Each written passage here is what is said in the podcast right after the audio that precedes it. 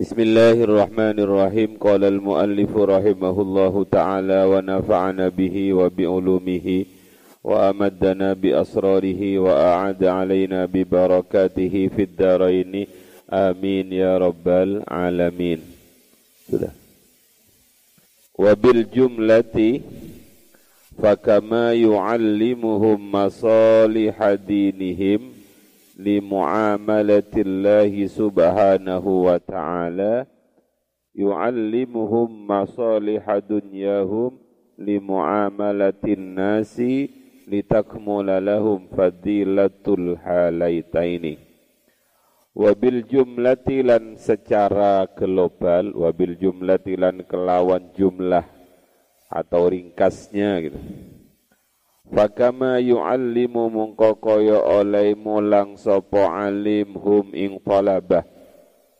Masalih dinihim ing piro-piro kemaslahatan agamani talabah Limu'amala limu'amalatillahi kanggo muamalah ing Allah atau berhubungan dengan Allah istilahnya berhablum minallah subhanahu wa ta'ala yu'allimu mongko mulangi sopo alim hum ing talabah masaliha dunyahum ing piro-piro kemaslahatani dunyani talabah. Li muamalatin nasi kanggo kanggo muamalah ing menungso. Litakmula supaya sempurna lahum marang talabah fadilatul halataini ing kautamaani tingkah luru seorang guru itu tidak hanya mengajari murid-muridnya urusan agama tapi beliau juga mengajari murid-muridannya, murid-muridnya tentang kemaslahatan urusan dunia. Agar murid-murid itu bisa menjalankan hablum minallah dengan sah benar dan bisa berhablum minan nas dengan adab yang mulia sehingga murid-murid tersebut menjadi orang yang sempurna mendapatkan dua keutamaan yakni dunia dan akhirat. Wal hadi asyara utawi adab kang ke-11 Ayas ayen to berusaha sopo al alim wong kang alim fi masalihi talabah fi masalihi talabah ing dalem pira-pira kemaslahatani pira-pira murid wa jam'i qulubihim lan ngumpulake piro-piro atini tolabah. Maksudnya memfokuskan hatinya tolabah. Wa musa'adatihim lan nulungi tolabah. Wa musa'adatihim lan nulungi tolabah. Bima kelawan perkoro-perkoro tayassaro kang gampang opo ma alaihi ing alim min jahin saking pangkat wa malin lan bondo wa malin lan bondo inda kudratihi ing dalem kuasani alim. Ala dzalika ing ngatasi mengkunu-mengkunu ala dzalika ing ngatasi mengkunu-mengkunu musa'adatihim. Wa azami daruratihi lan ora kaserengi alim. Fa inna Allah kranu sak temani Allah iku fi aunil abdi iku fi aunil abdi ing dalem nolongi hamba. Madama ing dalem selakini langgeng. Sapa al abdu kaula fi auni akhihi ing dalem nolongi tuluri abad. Wa man kana fi hajati akhihi kana Allahu fi hajatihi wa man utawi sapani wong iku kana ono sapa man? Iku fi hajati akhihi ing dalem hajati tuluri man. Kana mungko ono sapa Allahu Allah fi hajatihi ing dalem hajati man. Waman utawi sapani wong iku yassaro gampangake sapa man? Ala muksirin ingatasi ala muksirin ingatasi wong kang kesulitan atau wong kang melarat bisa yassaro mungko bakal gampangake sapa Allahu taala. Allah taala alaihi ingatasi man hisabahu ing hisabiman yaumal qiyamati ing dalem tinu kiamat wala siyama lan opo mane idza kana nalaikani onu? Opo dalika mengkunu mengkunu al aunu wat taisir? Iku i'anatan nolongi ala apa ala talabil ilmi ingatasi nyuprih ilmu. Adab ahlak yang ke-11 yang harus dimiliki oleh seorang guru bersama muridnya adalah ayas al-alimu fi masalihit talabah wa jam'i kulubihim wa musa'adatihim bima yataya bima tayassaru alaihi. Seorang kiai hendaknya berusaha. Seorang guru hendaknya berusaha untuk menolong murid-muridnya dalam hal kemaslahatan murid-murid tersebut. Yang kedua, seorang guru, seorang kiai, bunyai hendaknya juga berusaha agar murid-muridnya itu hatinya fokus jam'i kulubihim menjadikan hati mereka itu enggak pecah-pecah. Fokus. Wa musa'adatihim dan menolong murid-muridnya bima tayassara alaihi dengan sesuatu yang mudah untuk alim tersebut. Baik pertolongan itu dari sisi jahin, pangkat, malin harta semampunya orang alim tersebut. Yang jelas ada rotihi tidak harus terpaksa. Kenapa seorang guru hendaknya berusaha menolong muridnya? Karena menolong orang saja yang bukan muridnya itu luar biasa janjinya Allah. Maka kalian lihat tiga potongan ini. Fa inna Allah fi aunil abdi madamal abdu fi auni akhihi satu. Allah akan selalu menolong hambanya selagi hambanya mau menolong hambanya yang menolong hamba Allah yang lain. Jadi pertolongan Allah itu akan diberikan kepada orang yang suka nolong orang lain. Pertanyaannya yang muncul, kenapa dalam hidup ini kita sering sulit? Karena kita tidak pernah nolong orang. Karena kita egois. Karena kita hanya ngurusi urusan pribadi. Itu innallaha fi aunil abdi madamal abdu fi auni akhihi. Itu terbukti betul anak-anakku orang-orang yang haji, orang-orang yang umroh, ketika mereka menemukan kesulitan itu biasanya mudah. Caranya nolong orang. Jadi tokcer ini, suatu saat Abah punya pengalaman. Pengalaman ini harus saya sampaikan karena biar menjadi penggugah penyemangat kalian dan sebagai testimoni akan hadis ini mau mencium hajar aswad itu wangil susah. Pol susahnya. Karena memang diri diri ini kotor. Masuk wes bendal. Masuk bendal. Masuk bendal. Hampir saja putus asa. Es panceni ga takdiri nggih boten nopo-nopo ya Allah karena kita diajari untuk mencium hajar aswad itu tidak boleh nyikut kanan, nyikut kiri. Tidak boleh nginjak orang. Tidak boleh menyakiti orang. Maka begitu saya hendak keluar dari lingkaran itu, ada orang mau antem-anteman. Ada orang entah Iran dan Mesir apa gitu sudah mau antem-anteman. Saya langsung lompat di tengahnya, saya saya rangkul yang satu, saya bisi ke telinganya, "Akhi, hadza baitullah." Nahnu fi baitillah. Tersadar dia, Astagfirullahaladzim. Kemudian saring langkul. Enggak seberapa saya, hanya hanya sekedar menolong seperti itu saya. Subhanallah. Kemudian ada jalan yang agak longgar itu menuju Hajar Aswad.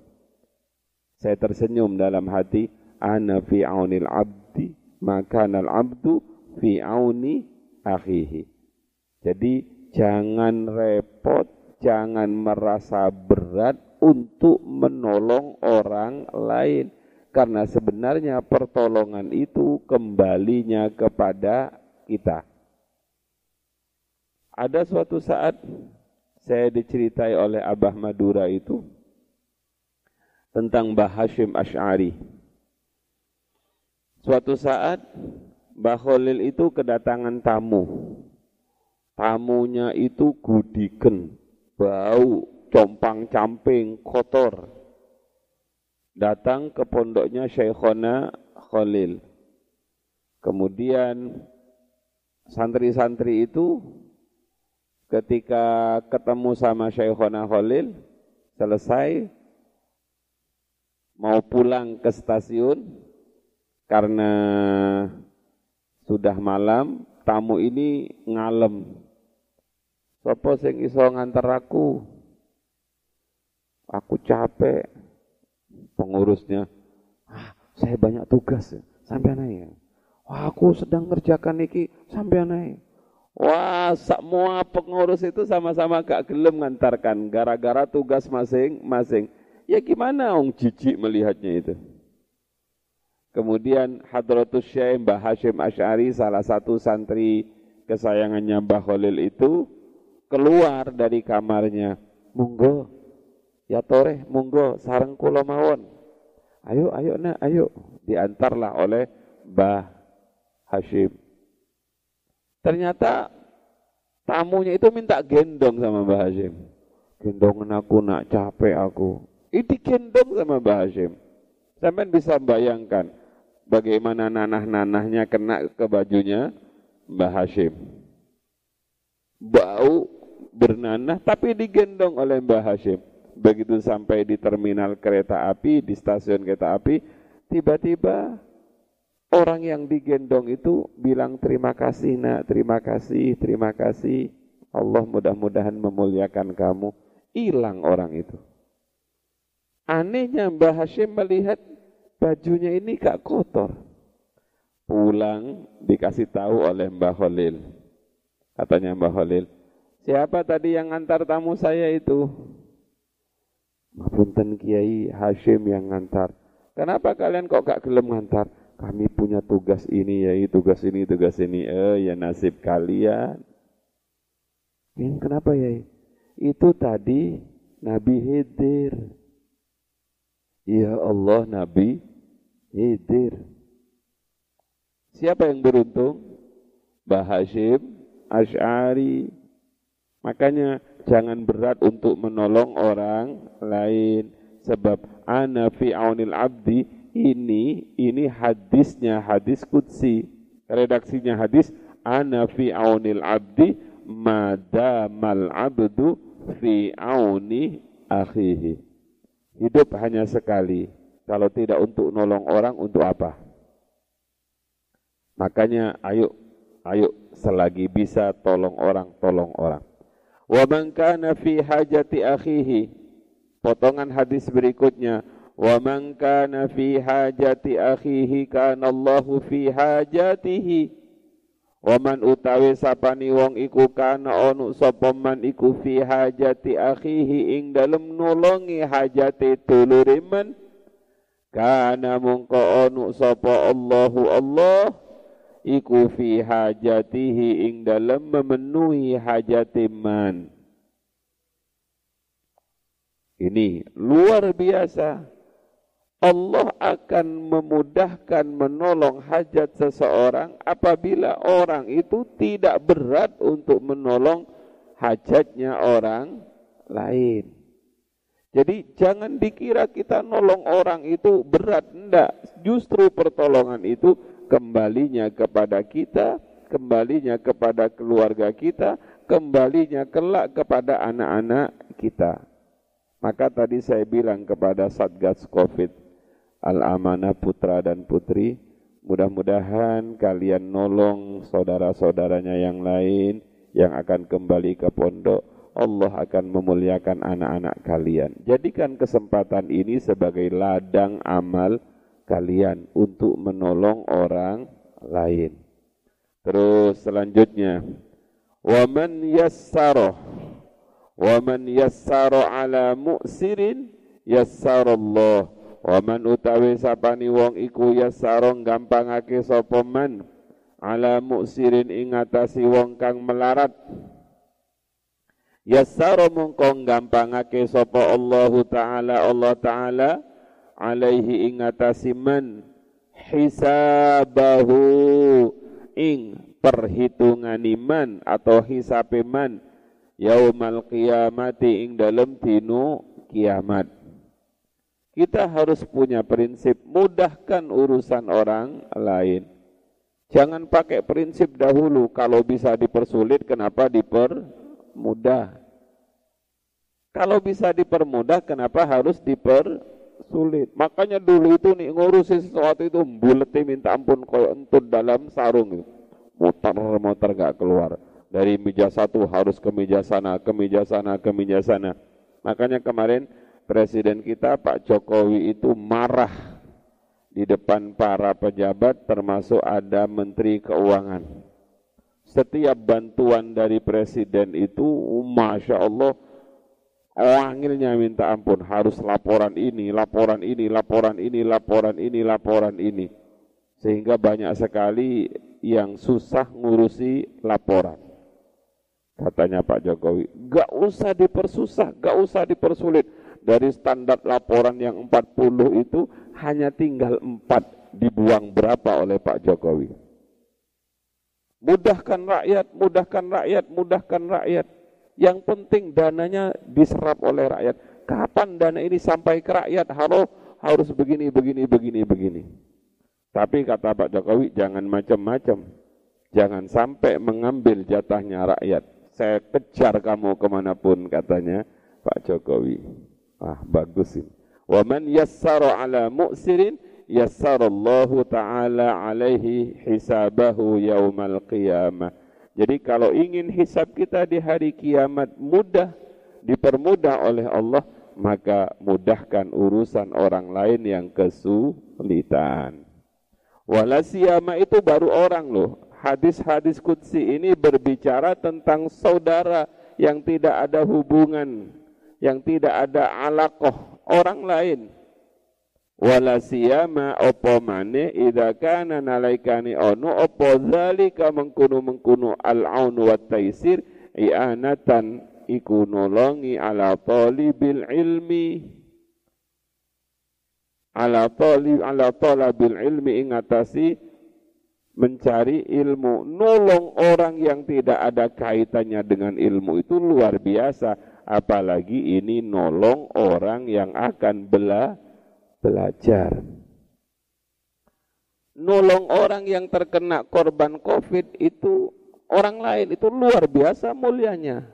Apalagi kalian ini nolong santri yang mau belajar yang harus melalui prosedur yang amat sangat ketat. Makanya saya mantap dengan mbak-mbak tapi saya akan nangting lagi nanti yang laki-laki ini siap enggak? Kalau siap bantu orang, kalau siap bantu santri, kalau siap bantu kiai, kalau siap bantu orang yang tolabul ilmi, ayo jalan. Tapi kalau kalian enggak siap, gak usah jalan. Kok bingung tengah jalan. Yuk yuk nang ngarep engko nang buri gelembosi. Engko. Es Mudah-mudahan Allah memuliakan kalian, mudah-mudahan Allah selalu menolong kalian, Mudah-mudahan Allah permudah semua urusan kalian dan mudah-mudahan kita hisab kita di sisi Allah kelak hari kiamat dimudahkan oleh Allah dengan kemuliaan menolong orang lain. Wasani ut wasani asyara utawi kang ke-12. Adab ke-12 yang harus dimiliki oleh seorang guru. Idza ghaban alaikani ghaib absen Sopo ba'du talabati sebagiani santri? Au mulazimil halakoh utawa wong kang netepi halakoh ada seorang santri atau seorang jamaah yang biasa ikut halakoh nggak hadir. Absen. Zaidan. Ing dalem mungso kang tambah. Anil adati saking kebiasaan Sa'ala mungkotakon sopo alim anhu saking ba'di talabah wa an ahwalihi lan saking piro-piro keadaani ba'di talabah wa amman lan saking wong ya ta'allaku kang berhubungan sopo man bihi kelawan ba'du talabah Fa illam yukhbar lamun ora den ceritani sapa alim anhu saking ba'du talabah bisyai'in kelawan suwiji-wiji arsala mungko utusan arsala mungko utusan sapa sapa alim ilaihi marang ba'du talabah au qasada utawa nejo sapa alim manzilahu ing omai talabah ba'du talabah binafsihi kelawan awak deweni binafsihi kelawan awak deweni alim. Wa huwa hale utawi qasada ila akhirih iku afdalu luweh utama. Dalam perjalanan ngaji rutinan dalam perjalanan sekolah, madrasah, pondok dan lain sebagainya kadang-kadang ada udur sebagian murid kita. Makanya Mbah-mbah Yai dulu itu absen itu telaten. Ahmad hadir Yai. Muhammad hadir Yai. Ini Fatoni ke mana? Nah, ditanya kalau nggak kalau nggak ada itu ditanya. Ini Fatoni ke mana kok nggak ada? Nunduk semua. Ke mana? Sakit apa? Ngapunten yai buatan paham. Lah, kalau ada sebagian murid atau sebagian jamaah wabah absen zaidan anil adat, absennya itu tidak seperti biasanya, agak lama, maka yang harus dilakukan oleh seorang guru, kata Mbah Hashim adalah sa'ala anhu wa an ahwalihi Ditanyakan, mana kok nggak tahu setoran? Nah, biasanya saya kan begitu. Iki kak, tahu setoran, salamnya abah. Oh, dapat salamnya abah itu alhamdulillah aku dapat doa salam dari abah itu tutup salam doa itu salam lapo kak setor takoi oh, salam suruh setoran ke mana kok nggak setoran kemarin wa an akhwalihi dan tentang keadaannya muridmu itu wa amman yata'allaku bihi juga perlu ditanyakan tentang seseorang atau keluarga yang berhubungan dengan dirinya. Fa illam yukhbar anhu bi syai'in arsala ilaihi apabila kiai alim guru itu tidak diberi kabar sedikit pun tentang muridnya yang gaib itu maka arsala ilaihi guru itu bisa utusan santrinya. Eh coba sampean delok i arek nang kamar turu paling gak tahu ngaji. Nah, itu namanya arsala ilaihi. Ini sudah tiga hari gak tahu setor ini kenapa ini? Arsala ilaihi. Golek nang oma ini sampean ngajar di sekolah itu lapo ini kok nggak pernah masuk fulan itu? Eh sampean nanti ya setelah sekolah datangi rumahnya fulan barangkali dia sakit. Arsala ilaihi. Au qasada manzilahu binafsihi. Atau guru itu sendiri yang mendatangi muridnya ke rumahnya. Wa huwa afdal. Dan itu lebih utama. Ini perhatian yang luar biasa dari seorang guru terhadap murid. Wa in kana maridan. Wa in kana lan lamun onu sapa ba'du talabah iku maridan loro ada mongko nyambangi sapa alim hu ing ba'du talabah kalau muridnya itu ternyata sakit maka seyogyanya disambangi. Wa in kana fi ghammin selanjutnya wa in kana lan lamun onu sapa ba'du talabah iku fi ghammin ing dalam kesusahan. Hafadha alaihi. Hafadha mongko ngeringanake sapa alim alaihi ing ngastasi ba'du talaba. Kalau muridnya itu gak masuk karena kesusahan maka gurunya menolong kesusahannya tersebut meringankan beban kesusahannya wa in kana musafiran wa in kana musafiran wa in kana lan lamun onu sapa ba'du talaba iku musafiran musafir. Yatafaqqadu mongko niti-niti sapa alim ahlahu ing keluargani ba'du talabah. Wa man lan wong ya ta'allaku kang berhubungan sapa man bihi kelawan ba'du talabah wa yas'alu lan takon sapa alim anhu sang anhum saking ahlah. Wa yata'arradu lan ningali sapa alim li hawaijihim marang pira-pira kebutuhani ahlah. Wa yasilulan nyambung sopo alim hum ing ahlah.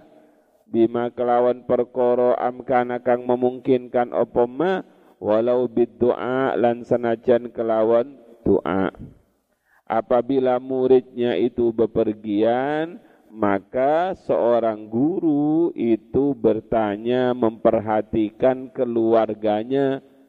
Apakah yang dibutuhkan oleh keluarga muridnya itu? Luar biasa sampai seperti itu kiai-kiai terdahulu itu. Wa'lam lan ngerti ya anna taliba sak temeni murid as-salihah kang soleh iku a'wadu luweh manfaati alal alimi ingatasi wong kang alim li khairayid dunya kanggo kebagusan luruni dunia wal akhirati lan akhirat.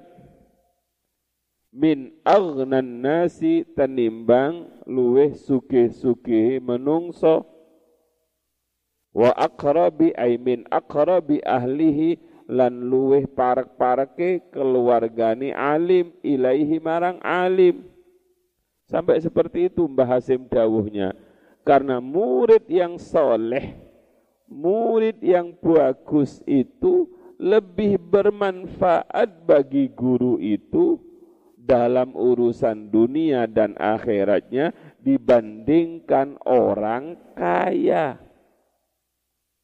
Kamu senang punya murid apa senang punya konco sugih? Murid yang soleh, murid yang ahli ibadah, murid yang alim itu lebih bermanfaat pada seorang guru manfaat itu di dunia juga manfaat itu di akhirat dibandingkan dengan orang yang paling kaya pun bahkan dibandingkan keluarganya sendiri yang tidak alim yang tidak soleh maksudnya makanya Gus Baha itu bingung Gus Baha terhadap ayahnya itu bingung kenapa karena ayahnya itu di samping dia sebagai ayah dia juga sebagai guru guru. Maka ayahnya punya dua hak kata saya, kata Gus Ba. Saya itu paling kalah dengan abah saya. Kenapa? Karena abah saya itu ayah saya, tapi beliau juga guru saya. Walidzalika kana karena saking bermanfaatnya punya murid yang soleh ini walidzala walidzalika lan krono mengkuno mengkuno anna taliba ila akhirih kana mongko onu sapa ulama ussalaf pira-pira ulama salaf annasihuna kang padha ngarepake bagus lillahi marang Allah wa dinihi lan agamani Allah iku yulkuna podo melemparkan sopo ulama salaf syabakal ijtihadi ing jaring ing jaring kesungguhan jala jaring kesungguhan lisaidi talibin kanggo memburu murid yantafi'u kang ngalap manfaat sapa annasu menungso bihi kelawan talib bihi kelawan talib apa maksudnya nak karena saking bermanfaatnya punya murid yang soleh dan alim itu maka ulama-ulama salaf itu seperti melemparkan jala, melemparkan jaring untuk mencari murid-murid yang soleh. Kenapa? Karena murid yang soleh itu bermanfaat untuk orang lain. Fi hayatihim ing dalam kehidupan nas wa man lan wong wong ba'dahum kang sakwisini nas orang yang hari ini dan orang yang akan datang. Contoh sederhana. Abah Jamal, muridnya Mbah Fatah. Maka Mbah Fatah seperti melempar jaring, mm, lempar jaring, kena ikan murid hebat yang bernama Kiai Muhammad Jamaluddin Ahmad. Manfaatnya Mbah Yai Jamal pada Bafatah itu luar biasa bermanfaat pada zamannya Mbah Yai Jamal, zamannya kita ngaji kepada Abah Jamal, dan orang-orang setelah zaman kita. Kenapa? Karena ilmunya silsilahnya lewat Mbah Yai Jamal. Mbah Yai Jamal punya murid ini, murid ini, murid ini. Muridnya punya murid, muridnya punya murid kayak MLM itu. Terus ke bawah, mengakar ke bawah puncuknya ke atas ke Mbah Yai Jamal, kemudian Mbah Fatah dan ke atas. Maka bagi orang-orang alim itu mereka yulkuna syabakal ijtihad li saydi talibin yantafi'un nasa bihi fi hayatihim wa man. Mereka seperti melemparkan jaring, melemparkan jala, mencari murid yang murid itu alim, soleh, bisa bermanfaat untuk masyarakat yang ada saat itu dan masyarakat menda mendatang. Walau lam yakun lil alimi illa talibun wahidun yantafi'un nas walau lam yakun lan lamun ora ono lil alimi iku kedue wong kang alim Sopo illa talibun kecuali murid wahidun kang satu yantafi'u kang ngalap manfaat sopo annasu menungso bi ilmihi kelawan ilmu ni talibun wahid wa amalihi lan amali talibun wahid wa zuhdihi atau yantafi'una. Bi ilmihi kelawan ilmu ni alim saja. Eh talib saja. Yantafi'u bihi fi hayatim. Uh, bi ilmihi kelawan ilmu ni talib. Wa amalihi lan amali talib. Wa zudihi lan kesuhutani talib. Wa irsyadihi lan pitutui talib. Lakafa mongko yakti cukup apa dzalika? Sapa dzalika? Talibu mengkunu mengkunu talib indallahi ing dalam sandingi Allah Subhanahu wa taala. Seandainya orang alim itu tidak memiliki apa-apa kecuali hanya memiliki satu santri di mana santrinya ini alim bermanfaat yantafi'un nasu bi'ilmihi manusia banyak mengambil ilmu dari muridnya ini manusia belajar belajar cara zuhud dari muridnya ini manusia banyak belajar mengambil petunjuk dari muridnya ini maka bagi seorang alim cukup sekalipun dia tidak punya harta yang lain kecuali hanya punya satu murid. Cukup di hadapan Allah. Makanya luar biasa Abdul Abbas Al-Mursi itu seorang yang luar biasa hebatnya. Beliau tidak punya karangan kitab. Syekh Abdul Abbas Al-Mursi itu tidak punya tulisan kitab. Tapi Syekh Abdul Abbas Al-Mursi punya murid satu yang bernama Ibnu Athaillah As-Sakan dari. Maka satu muridnya seperti Ibnu Athaillah As-Sakandari ini cukup bagi Syekh Abu Albas Al-Mursi sebagai bekal sowan kepada Allah Subhanahu wa taala. Maka sing serius kalau jadi guru.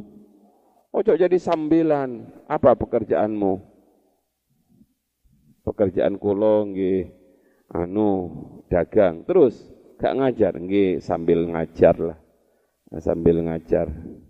Ya ojo sambilan sing serius, bukan dagangmu nanti yang bermanfaat untuk kamu, tapi muridmu itu yang bermanfaat. Makanya punya murid itu bukan hanya dikasih makan, bukan hanya diperhatikan luarnya, tapi juga diperhatikan dalamnya. Dan itu tidak ada kecuali di pesan di pesantren.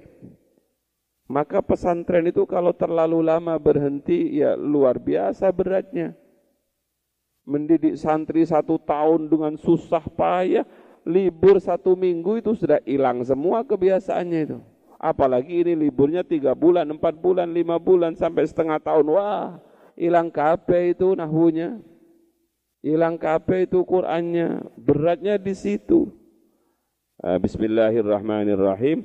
Il, illa uh, min ilmi ahadin. Uh, fa innahu fa innahu mengko sak temeni kelakuan la yantakilu ora ngalih ora pindah apa syai'un suwiji-wiji baik min ilmi ahadin saking ilmu ni wong suwiji ila ahadin marang wong suwiji kang liya yantafi'u kang bermanfaat yantafi'u kang ngalap manfaat sapa ahadin ahadin yang belakang bihi kelawan ahadin awal Kenapa? Karena muridmu itu nak yang menjadi tempat berpindahnya ilmunya guru kepada orang lain.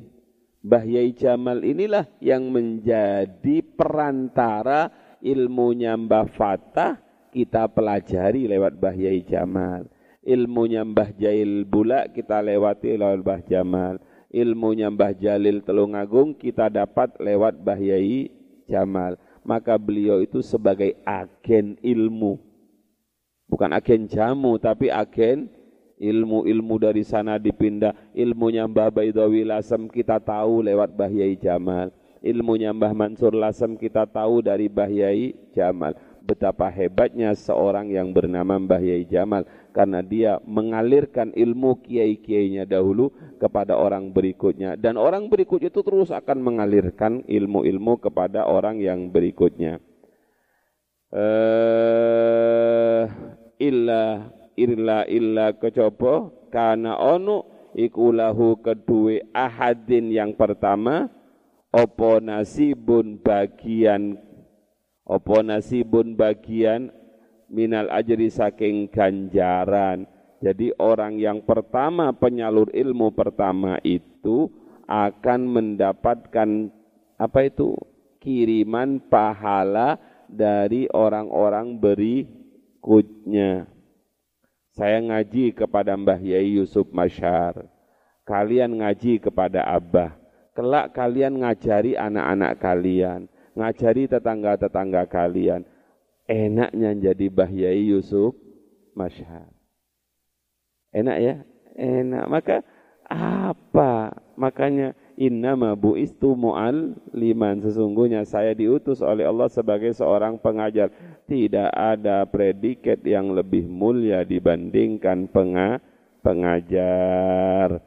Terakhir, kama ja'a fil hadis, kama koyok keterangan ja'a kang teko, apa ma fil hadis ing dalam hadis as-sahih kang sahih anin nabi sallallahu alaihi wasallam idza matal abdu telan hadisi. Kadang-kadang idza mata benu adam. Karena kamu pahamnya idza mata benu adam. Ketika ada orang dalil idza matal insan salah idza mata ibnu adam. Ya panjane ngaji ni situ kitab ya. Nah, ada kalanya idza mata benu adama. Ada riwayat yang lain mengatakan idza matal insan. Ada riwayat yang lain yang mengatakan idza matal abdu. Bah bah Hashim ini adalah seorang yang ahli hadis. Maka kita dikasih tahu oleh beliau idza matal abdu in qata'a amaluhu illa min salasin صدقة جارية أو علم ينتفع به أو ولد صالح يدعو له. وهذه المعاني الثلاثة موجودة في معلم العلم. أما الصدقة فإقراؤه العلم وإفادته إياه. Besok.